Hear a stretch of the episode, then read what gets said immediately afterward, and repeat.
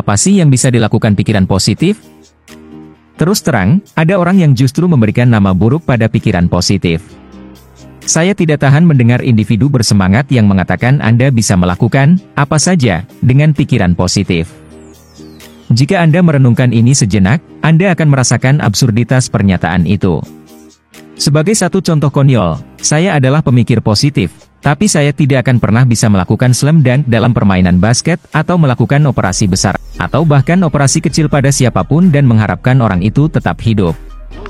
Nate Newton, pemain lineman berbobot 150 kg lebih untuk Dallas Cowboys, adalah orang yang positif, optimistis, dan ceria, tapi dia akan menjadi pecundang apabila menjadi joki atau penari balet.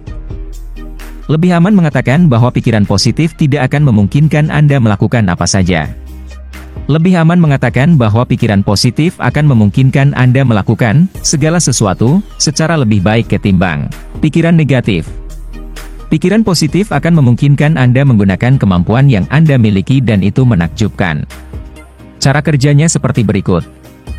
Anda berjalan memasuki ruangan gelap, menyalakan saklar dan tiba-tiba ruangan itu terang.